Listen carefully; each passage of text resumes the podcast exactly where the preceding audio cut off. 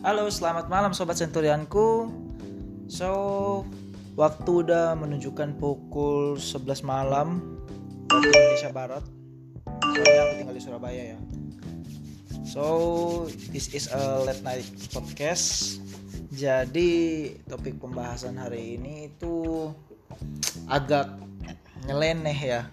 Bukan nyeleneh sih, cuman mungkin uh, untuk seumuran kita dibilang agak masih tabu-tabu gitu ya tabu. So topik hari ini itu adalah seks bebas sebelum nikah. Apa sih dampaknya? Nah so hmm, dulu aku kuliah pas semester 4 atau 5 aku lupa So kan aku itu kuliah di salah satu universitas swasta di Surabaya, and then um, aku jurusan informasi teknologi, bisa dibilang IT lah.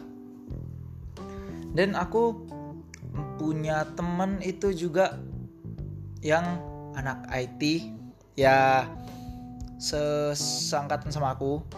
Terus kita sering main bareng, sering cerita-cerita sampailah kita pada topik yang berbicara soal seks bebas ini. So, hmm, temanku itu dia sih terkenal bukan terkenal ya, tapi memang orangnya rada playboy. Rada playboy itu soalnya dia punya um, pacar mantan mantannya dia itu udah banyak gitu loh. So, dia itu sempat cerita sama aku soal um, pengalaman dia uh, tentang seks tersebut.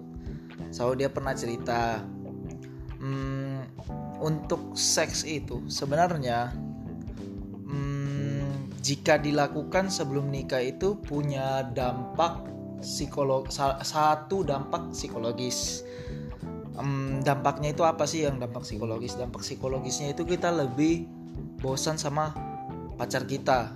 Nah, kenapa? Karena memang um, katanya nih ya, aku pernah dengar di aku lupa pernah baca di mana. Salah satu artikel yang pernah ngomong itu kayak uh, jika laki-laki sudah dapatkan apa yang dia mau, maka dia akan cepat bosan gitu loh.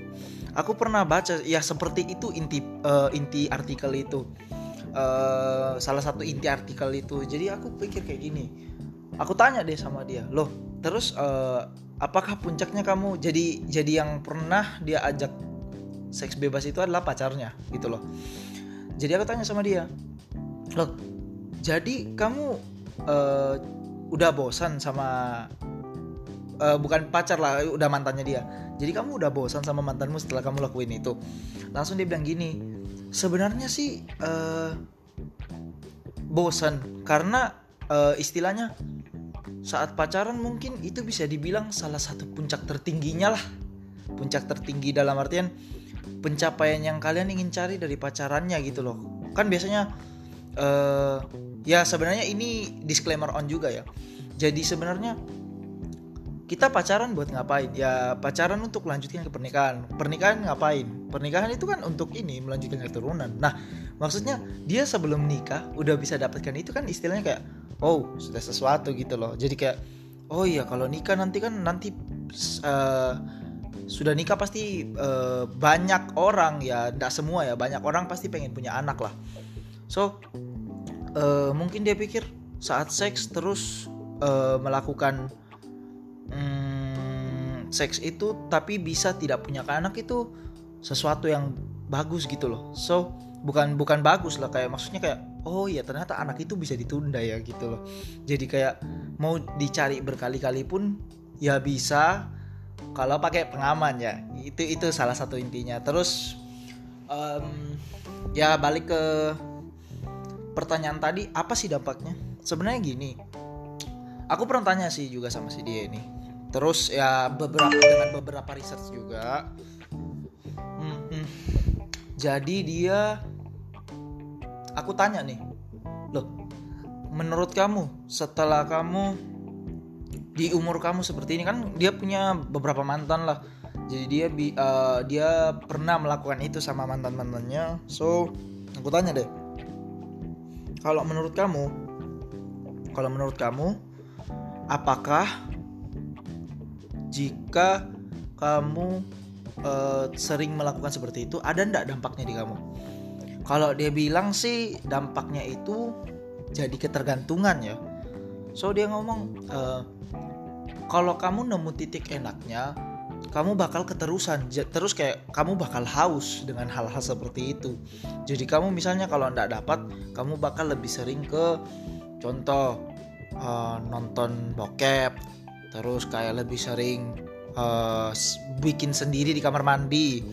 Nah selang aku aku langsung tanya nih Duh, terus uh, kalau misalnya kamu lagi pengen terus gak dapet pasti kamu lakuin itu. Dia ngomong deh hmm, iya bisa jadi. Ya terkadang juga enggak kalau misalnya uh, lagi teralihkan pikirannya gitu loh. Tapi dia bilang so mendingan kalau kamu mau gitu uh, lebih baik dikontrol lah gitu. Kalau misalnya uh, menurut kita di Indonesia ini memang kalau dibilang melakukan hal seperti itu seks bebas ya agak tabu gitu loh. Jadi kayak seks sebelum nikah itu sangat tabu di Indonesia. Apalagi uh, diperkuat dengan susahnya obat obat kontrasepsi uh, dibeli di Indonesia. Karena harus pakai kalau nggak salah ya aku lupa surat nikah kalau nggak salah ya. Akte nikah lah jadi itu kayak mempersulit eh, anak-anak di Indonesia atau remaja-remaja di Indonesia melakukan uh, seks bebas seks bebas tersebut. Nah so kalau menurutku um, kalau jika kalian masih kuliah ya kalau kalian masih kuliah ini pribadi disclaimer on juga jangan jangan dibilang salah atau benar ini menurutku pribadi aja. Kalau kalian mau lakukan uh, seks bebas seperti itu hmm, ada baiknya dipikir-pikir terlebih dahulu yang pertama. Um, misalnya jika kalian lagi berdua nih sama pacar uh, ada ada ya kayak hawa-hawa untuk melakukan seperti itu lebih baik pikirkan terlebih dahulu jangan langsung digas. Soalnya ya ingat uh, aku pernah baca di salah satu artikel yang ngomong kayak um, ini ini istilahnya aja ya uh, resiko gagal uh, resiko keluar di luar itu resiko gagal keluar di luar itu sekitar 99% So, yang selama ini bilang kayak keluar di luar doang bisa itu sebenarnya resiko gagalnya 99% gitu loh. Jadi ada baiknya tetap kalian pakai alat kontrasepsi seperti ya beberapa produk yang kita sering lihat di Indomaret ya. Kita tahu uh, atau nama lainnya kondom ya. Bisa pakai itu atau kalian bisa pakai obat kontrasepsi ya which is obat kontrasepsi itu gak gampang untuk di gak gampang untuk didapatkan di Indonesia tapi hmm, jika kalian punya akses lebih untuk mendapatkan obat itu silahkan tapi ya untuk obat-obat seperti itu aku saranin jangan terlalu sering dipakai ke uh, ceweknya. Jadi kan obat kontrasepsi itu dipakai buat di cewek di ceweknya itu. Karena sebenarnya obat kontrasepsi itu berbahaya buat uh, rahim dan sel telur cewek tersebut ya. Ya semacam itu. Lebih baiknya kalian itu tetap menggunakan uh, alat pengaman. Tapi kalau bisa ini pengalaman pribadi ya kalau bisa tetap nyiapin namanya obat kontrasepsi ya yang aku bilang tadi memang obat kontrasepsi eh, kontrasepsi itu susah didapat. Tapi um, kalau yang tadi aku bilang kalian punya akses lebih misalnya punya kenalan apotik ses sesuatu lah apotik yang mana gitu kalian kenal atau punya keluarga sendiri eh ya kalau punya keluarga nggak mungkin juga sih mesti uh, biasanya kayak ada apotik langganan lah. Hmm, harusnya kalian bisa dikasih gitu loh. Atau semacam uh, apotik ilegal gitu ada apotik yang istilahnya menjual barang-barang seperti itu dengan bebas ada. Cuman ya saranku ini disclaimer on aja meskipun ya podcast ini sedikit ya nyeleneh dan memang agak tabu cuman ini sebagai uh, conditional safety aja. Biar kalian itu tahu gitu loh. Jika kalian memang terpancing untuk buat hal seperti itu lebih baik kalian siapin apa.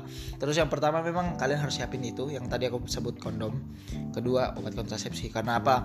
Kondom ini belum cukup loh untuk hmm, istilahnya mencegah kehamilan. Soalnya kondom itu kan ya punya resiko bocor. Ya jadi lebih baik tetap punya um, obat kontrasepsi tersebut. Oh iya ini juga satu sih, hmm, cuman I know cara belinya, I know cara belinya. Tapi aku gak bakal kasih tahu tokonya. So um, kalian bisa juga dapat di marketplace barang seperti itu. Um, tapi kalian harus tanya ke apotiknya yang apotik marketplace tersebut apakah mereka jual barang tersebut atau tidak. Bisa didapatkan di marketplace, cuma hmm, hati-hati juga jangan sampai barangnya palsu. Terus hati-hati juga jangan sampai hmm, kalian uh, ada masalah dengan pembelian obat-obat tersebut atau kayak diancam atau sebagainya lebih baik kalian cari apotek yang aman yang memang sudah sudah berbintang lah di marketplace itu ada beberapa marketplace setauku yang menjual barang-barang seperti itu. Uh, especially obat kontrasepsi. Kalian kalian bisa mengakses itu di marketplace yang kalian tahu yang kalian tahu. Dan um, mungkin uh, last aku mau bilang uh, seks bebas itu sebenarnya apalagi yang belum nikah ya. Uh, agak sedikit berbahaya kalau kalian tidak tahu ilmunya. Tapi kalau misalnya kalian tahu ilmunya, uh, itu bisa safe aja, tapi tetap membuat psikologi kita terganggu jika tidak dapatkan itu. So lebih baik kalau saranku ya, kalian mending pas nikah aja deh, pas nikah aja baiknya untuk melakukan hal seperti itu. Soalnya jika kalau kita masih muda ini ya kalau kita masih muda ini kita susah kontrol nafsu kita gitu loh. So lebih baik hindari seks bebas. Kalaupun terjadi silahkan pakai alat kontrasepsi dan obat kontrasepsi yang tepat. Biar tidak sama-sama bikin susah susah orang tua. Terus dan juga tidak bikin susah diri sendiri. Hmm, so terima kasih untuk meluangkan waktunya mendengarkan podcast ini.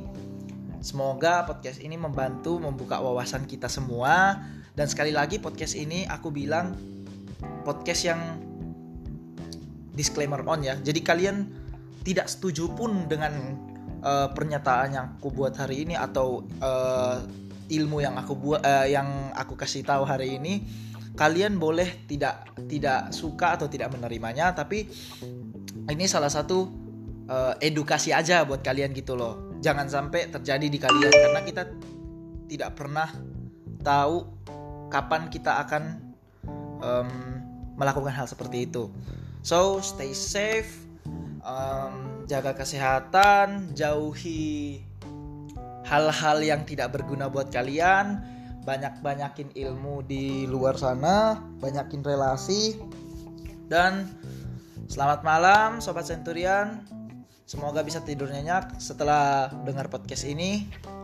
Thank you, sampai jumpa ke podcast berikutnya. Bye.